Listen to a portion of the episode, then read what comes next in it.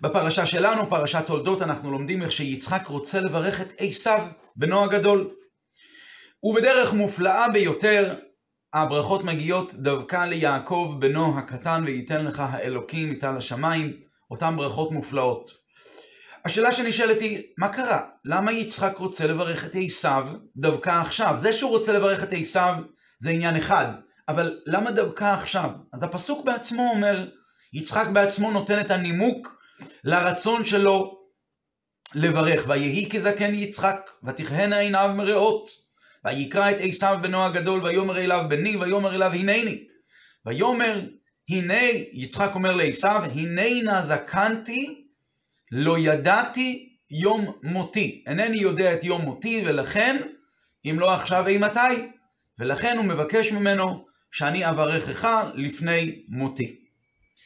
אומר לנו רש"י, על המילים לא ידעתי יום מותי.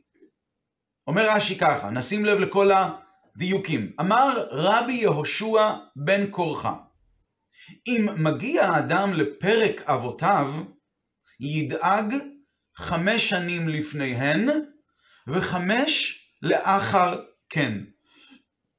כלומר, אם בן אדם מגיע לזמן שבו אבותיו הלכו לעולמם, אז הוא צריך להתחיל לדאוג עליו בעצמו, שהגיע יום מותו, חמש שנים לפני וחמש שנים אחרי. רש"י ממשיך, ויצחק היה בן מאה עשרים ושלוש. אמר, אמר יצחק בליבו, שמא לפרק אמי אני מגיע, ואמו שרה והיא בת מאה עשרים ושבע מתה, והיו חיי שרה מאה שנה ועשרים שנה ושבע שנים, אנחנו יודעים שהיא הייתה בת מאה עשרים ושבע, אז הוא אומר עכשיו, והריני בן חמש שנים סמוך לפרקה. לפיכך לא ידעתי יום מותי. ורש"י ממשיך, שמא לפרק אמי, שמא לפרק אבא. אולי אני אגיע לפרק אבא, אולי אני אגיע לפרק אמי. אוקיי, אביו נפטר הרבה יותר מבוגר. אביו נפטר בגיל 175, אז הוא צריך להתחיל לדאוג בגיל 170. אבל הוא אומר, אולי אני אגיע לפרק אמי, ולכן בגיל 123 הוא דואג, והוא אומר, לא ידעתי יום מותי. בפועל אנחנו יודעים שיצחק האריך ימים, והוא הגיע עד גיל 180, חמש שנים אחרי פרק אביו. אביו שנפטר כאמור בגיל 175, יצחק נפטר חמש שנים לפני, ואגב מזה אנחנו יודעים שצריך לדאוג חמש שנים לפני וחמש שנים אחרי, גם לפרק אביו וגם לפרק אמו. מה שמעניין כאן ברש"י הזה, שרש"י מביא ביור מאוד מאוד יפה, אבל רש"י כאן חורג מהמנהג שלו. בדרך כלל שרש"י מביא ביור מהמדרשים, מה, מהתלמוד, רש"י לא מביא את השם של מי שאמר את הרעיון. וכאן רש"י מביא ואומר, אמר רבי יהושע בן קורחה. אנחנו יודעים שהסיבה היא כנראה בגלל שיש כאן איזשהו קושי מסוים שמסתתר, והקושי הזה מטופל על ידי שנדע את השם של מי שאמר את הרעיון, רבי יהושע בן קורחה. אבל בכלל, כשאנחנו לומדים את הרש"י, רש"י הרי פשוטו של מקרא, והפסוק בא ואומר, לא ידעתי יום מותי, למה שלא נפרש בצורה פשוטה? לא ידעתי יום מותי, אני לא יודע מתי אני אמות. אדם לא יודע את איתו וזמנו, ולכן הוא... אה, למה בכלל רש"י צריך להביא את כל הביור הזה של רבי יהושע? ביור יפה מאוד, אבל בפשוטו של מקרא אפשר לבוא ולהגיד שיצחק פשוט פתאום תפס את עצמו שהוא צריך לדאוג על חייו, ולכן, ולכן הוא מבקש מעשיו, אני רוצה לברך אותך עכשיו, כי אם לא עכשיו, אי מתי. אז זה, הבה וננסה לטפל קצת בנושא הזה בצורה מיוחדת. רש"י כאן למעשה, יש כאן עוד דבר, רש"י כאן משווה בין יצחק לבין כל בן אדם. אני חושב שההשוואה הזו היא השוואה מאוד מאוד מופלאה. יצחק אבינו, יצחק, יצחק מתחיל לדאוג חמש שנים קודם פרק אמו, בפועל הוא נפטר חמש שנים אחרי פרק אביו, אז מזה מובן, רש"י אומר, אם מגיע אדם לפרק אבותיו, ידאג חמש שנים לפניהם וחמש שנים לאחר, לאחר מכן. לכאורה, איך ההשוואה הזאת בדיוק יש לה מקום? יצחק מקבל ברכות מופלאות מהקדוש ברוך הוא. כתוב במפורש, ויברך אלוקים את יצחק. הקדוש ברוך הוא בירך אותו. רש"י מסביר שנתיירא אברהם לברך את יצחק. אבל למה אברהם בעצמו לא בירך את יצחק? מפני שצפה את עשיו יוצא ממנו. אמר, אמר אברהם, יבוא בעל הברכות ויברך את אשר ייטב בעיניו. ובא הקדוש ברוך הוא וברכו. וככה באמת קרה, הקדוש ברוך הוא הגיע ובירך את יצחק. אז איך אפשר ללמוד מהאריכות ימים של יצחק לסתם בן אדם רגיל, שבן אדם רגיל לא יתברך בברכה הזאת של הקדוש ברוך הוא בצורה ישירה? למה שאנחנו נשווה ונאמר, כמו שיצחק דאג או לפרק אביו או לפרק אמו, אותו דבר גם כל בן אדם. אולי בסגנון אחר, אולי נסביר את השאלה קצת יותר בצורה אה, מחודדת יותר. מרש"י יוצא שיש כאן כלל, שכל בן אדם צריך לחשוב את, אה, את פקודתו באחד מארבעת האופנים הבאים, או חמש שנים לפני פרק אמו, או חמש שנים אחרי פרק אמו. או חמש שנים לפני פרק אביב, או אופציה רביעית, חמש שנים אחרי פרק אביב, הוא עדיין צריך לדאוג. עכשיו, מכיוון שיצחק מקבל ברכות מיוחדות מהקדוש ברוך הוא, אז יצחק היה צריך להאריך ימים הרבה יותר מהסדר הרגיל. איך ייתכן שבפועל יצחק חי רק לפי האופן הרביעי חמש שנים לאחר מות אביו? אביו נפטר בגיל 175, והוא בדיוק נפטר בגיל 180, זה בדיוק באמת מתאים למידת כל אדם. למה יצחק שהיה, שקיבל ברכה מהקדוש ברוך הוא לא יתברך עוד יותר? זה למעשה הקושי שמסתתר כאן. והרי אנחנו, כמו שאמרנו, יש כאן ארבע אופציות, או חמש שנים לפני פרק אמו, חמש שנים אחרי, או חמש שנים לפני פרק אביו, או חמש שנים אחרי. ויצחק מתחיל לחשוש מיד לפי האופן הראשון, חמש שנים לפני פרק אמו. יצחק, יצחק הרי יודע שהקדוש ברוך הוא בירך אותו. ויצחק אמור לפחות לדאוג אולי לפר... לאופציה השלישית, חמש שנים לפני פרק אביו, הוא יודע שאביו נפטר בגיל, הוא יודע, הוא יודע שאביו נפטר בגיל 175, הוא יודע שהוא קיבל ברכה מהקדוש ברוך הוא, כשנצרף את שני הדברים ביחד, יצחק לא אמור לדאוג. יצחק אמור להגיד, אוקיי, אולי באמת אדם רגיל אמור לדאוג חמש שנים לפני פרק אמו, אבל אני, שקיבלתי ברכה מיוחדת מהקדוש ברוך הוא, זה בוודאי הברכה הזאת אמורה להוסיף לו אריכות ימים ושנים. אז למה באמת יצחק? אז יש כאן למעשה שתי שאלות. א', מה באמת המקור להשוואה בין יצחק לבין שאר כל בן אדם? וב', אם באמת זו מידת כל אדם, שבן אדם צריך לדאוג חמש שנים לפני אמו, וחמש שנים אחרי, או חמש שנים לפני אביו, וחמש שנים אחרי, למה יצחק כל כך דאג ודווקא לאופן הראשון? יצחק הרי קיבל ברכה מיוחדת מהקדוש ברוך הוא. זה הדברים שצריכים להבין. אגב, שרה הרי מתה לכאורה לפני הזמן. היה בשורת העקידה שפרחה נשמתה ממנה ומתה. אז זה עוד יותר מוסיף בסברה שיצחק לא כל כך צריך לדאוג לפרק אמו. כי אמו שהיא בגיל 127 נפטרה, לא בעצם הייתה אמורה להיפטר בגיל 127, לכאורה. וכאן מגיע ביור נפלא. גם אברהם וגם שרה, שניהם התברכו בברכה מיוחדת מהקדוש ברוך הוא, ולכן הם האריכו ימים עוד יותר מהימים הקצובים להם, לאברהם ושרה. כמו שהתורה אומרת, שאברהם היה בגיל 100 שנים, ושרה הייתה בת 90 שנה, נאמר עליהם שבפרשה, פרשת חיי שרה, שהם היו זקנים באים בימים. זאת אומרת, מה פירוש באים בימים בפשטות? שהם נכנסו כבר בכל הימים שלהם. כלומר, הימים הקצובים אליהם מלמעלה, הם כבר הגיעו לשם. אז זה שהם האריכו ימים עוד, זה כבר היה משהו שהוא בונוס מצד ברכת השם שהייתה מיוחדת, ייחודית לאברהם ושרה, אבל בעיקרון בגיל 100 לאברהם ובגיל 90 לשרה, הם כבר היו באים בימים. או עכשיו נבין את החשבון שעשה יצחק. יצחק עכשיו אומר ככה, הוא אומר, פרק אמי, הפרק של אמו של יצחק, שרה, הוא בעצם גיל 90. ממילא אמר יצחק לעצמו, חמש שנים לפני, הוא צריך להתחיל לחשוש על, על יום מותו בגיל 85, חמש שנים לפני. עכשיו אומר יצחק ככה, כמו שאימא שלי התברכ, התברכה מאת הקדוש ברוך הוא, בברכה מיוחדת, והברכה הזאת נוסיפה לה עוד 37 שנה נוספות מגיל 90 הלאה, עד לגיל קכ"ז, לגיל 127. אז אותו דבר אמר יצחק לעצמו, גם אני, ברכת השם אליי, צריכה באמת גם לי להוסיף. השם בירך אותי, ויברך אלוקים את יצחק. אז ברור, גם לי יש את הברכה הזאת של אריכות ימים, אבל כמה?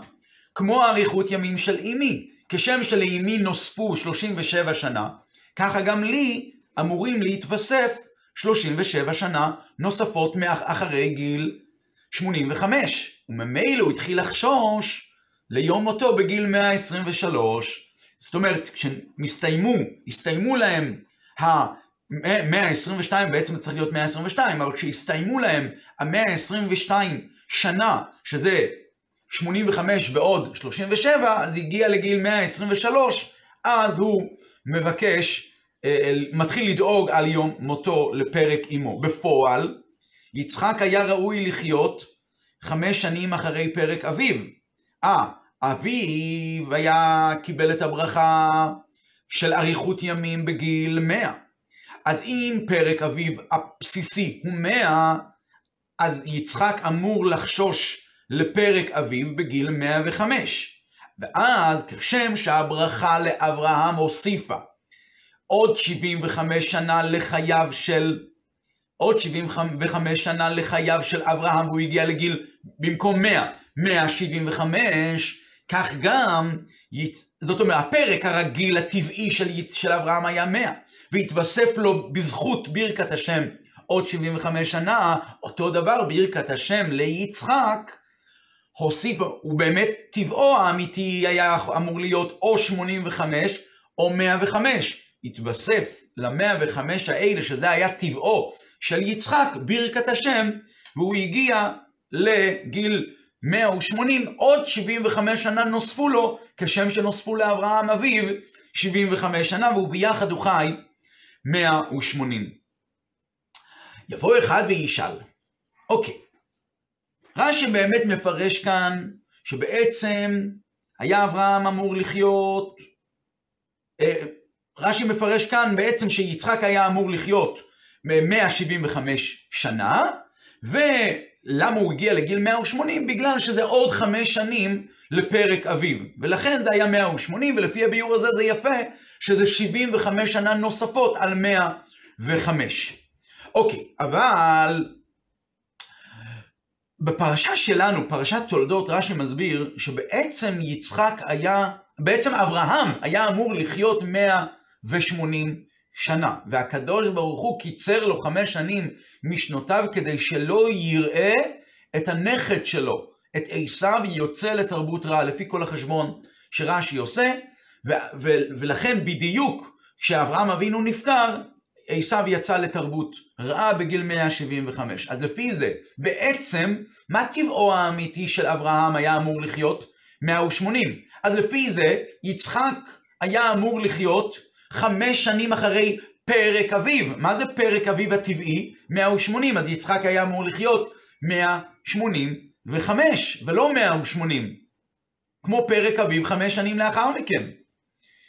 זה, זו שאלה שהלומד הרגיל לא יעלה עליה, אבל התלמיד ממולח יבוא ויאמר, רגע, יש כאן עדיין קושי, ואת הקושי הזה רש"י מיישב על ידי שהוא מצטט את בעל המאמר, מי שאמר את הרעיון הזה, אמר רבי יהושע בן כורחה, ואמרנו שבאמת זה חריג, ולא מתאים לרש"י להביא את שם בעל המאמר. ולמה כאן הוא בכל זאת הביא? כי על ידי שאנחנו נזכור, זה אמר רבי יהושע בן כורחה, זה ייתן לנו פתרון לשאלה ששאלנו מקודם, למה יצחק לא חי 185. הגמרא מספרת על אה, כמה וכמה תנאים ששאלו אותם, אה, במה הארכתם ימים? הגמרא במסכת מגילה. וכל אחד מהם מספר איזשהו הסבר אחר, ממה הוא היה נזהר, הוא היה, זה היה זהיר בכבוד הנשים, הוא היה עושה סיבוב שלם כדי לא, ל, לא להטריח בני אדם, כל מיני זכויות שהתנאים מייחסים לעובדה שהם האריכו ימים. כששאלו את רבי יהושע בן קורחה למה הארכת ימים, אז הוא אמר את המילים האלה, מימיי לא נסתכלתי באדם רשע. זהו, הוא לא אמר שום זכות אחרת, הוא אמר, לא הסתכלתי באדם רשע. לפי הרעיון הזה, לפי דע... מה יוצא? שלפי דעתו של רבי יהושע בן קורחה, הסתכלות באדם רשע משפיעה על האריכות ימים. אז לפי השיטה הזו מובן גם בענייננו. מכיוון שיצחק כן הסתכל בדמות של עשיו, אפילו שהוא היה לכאורה עיוור, אבל הוא הסתכל בדמותו של עשיו, ולמרות שיצחק בעצם לא ידע מרשעותו של בנו, אבל הוא הסתכל בו, אז זה הדבר הזה גרם לו למיעוט באריכות ימיו. ולכן בפועל, על אף שפרק אביו האמיתי היה אמור להיות 180, ואם כן פרקו של יצחק היה אמור להיות 185, בפועל הוא חי בדיוק 180 כפרק אביו האמיתי, ולא את חמשת השנים הנוספות בגלל שהוא הסתכל בפני רשע. עכשיו, הרעיון הזה הוא רעיון בדרך הפשט. יש כמובן לכל פשט, יש לו גם את הרמז ואת הסוד ואת היינה של תורה. מה היינה של תורה שמסתתר ב... מה, איזה דבר אנחנו יכולים ללמוד מהרש"י הזה? אנחנו בעצם רואים שיצחק חושש שהוא יחיה חמש שנים פחות מפרק אמו, שזה הגיל הכי נמוך בדרך הטבע, ו/או חמש שנים אחרי אביו. מה קרה? למה באמת, שאלנו מקודם, למה באמת יצחק כל כך דאג, אה, אה, כל כך דאג לאופן הראשון? הרי הוא יודע שיש לו את ברכת השם, וגם כמו שאמרנו מקודם, שרה אולי, זה שהיא הגיעה לגיל 127 זה היה בגלל בשורת העקידה, אז למה יצחק כל כך החמיר בדאגה ואמר אולי הוא הגיע לפרק אמו, אולי דווקא לפרק אביו, ואולי לאמו באמת נוספו על שנותיה 37 שנה, אבל לאביו נוספו על שנותיו הבסיסיות 75 שנה. למה יצחק כל כך דואג לזה, לפרק אמו ולא לפרק אביו? והתשובה היא, לפי הקבלה כתוב שיצחק מבטא את קו הגבורה, ולכן כל דבר הוא מביט בעיניים של גבורה, והוא מביט על כל דבר כל, בצורה מאוד מאוד סנטיטיבית לפי מידת הגבורה. לכן, כאשר הוא בא ואומר, אני עכשיו צריך להתחיל לדאוג על יום מותי, אז הוא לוקח ממידת הגבוה והוא מחמיר בזה עד הסוף. הוא אומר, האופן הראשון שיכול להיות הוא פרק אימו, אז הוא מתחיל כבר לדאוג, וכבר בגיל 122, 23, הוא אומר, לא ידעתי יום מותי, והוא מבקש לברך את עשיו. כאן אנחנו רואים דבר נפלא. זה כל היחס שלו, של מידת הגבורה של יצחק, זה היה כלפי עצמו. אבל כאשר היה מדובר על מישהו אחר, אז הברכות שלו הן ברכות בלי שום גבורות ובלי שום צמצומים. הברכות הנעלות ביותר, הברכות של יצחק היו ברכות שכללו את השמיים ואת הארץ, גם עניינים שמימיים של שמיים, וייתן לך האלוקים מטל השמיים ומשמני הארץ, דברים שמיים וארץ, וגם טל השמיים, משמני הארץ. פה הוא כבר בכלל לא מתנהג במידת הגבורה והצמצום, אלא להפך, הוא מברך ברכות שבמידה מסוימת הן עוד יותר נעלות מהברכות שברך יעקב אבינו את אה, בניו לפני מותו, והברכות שברך משה רבינו את עם ישראל לפני מותו. ברכות נעלות ביותר מברך יצחק. מה ההוראה שאנחנו לוקחים מכאן בעבודתו של כל יהודי ויהודי?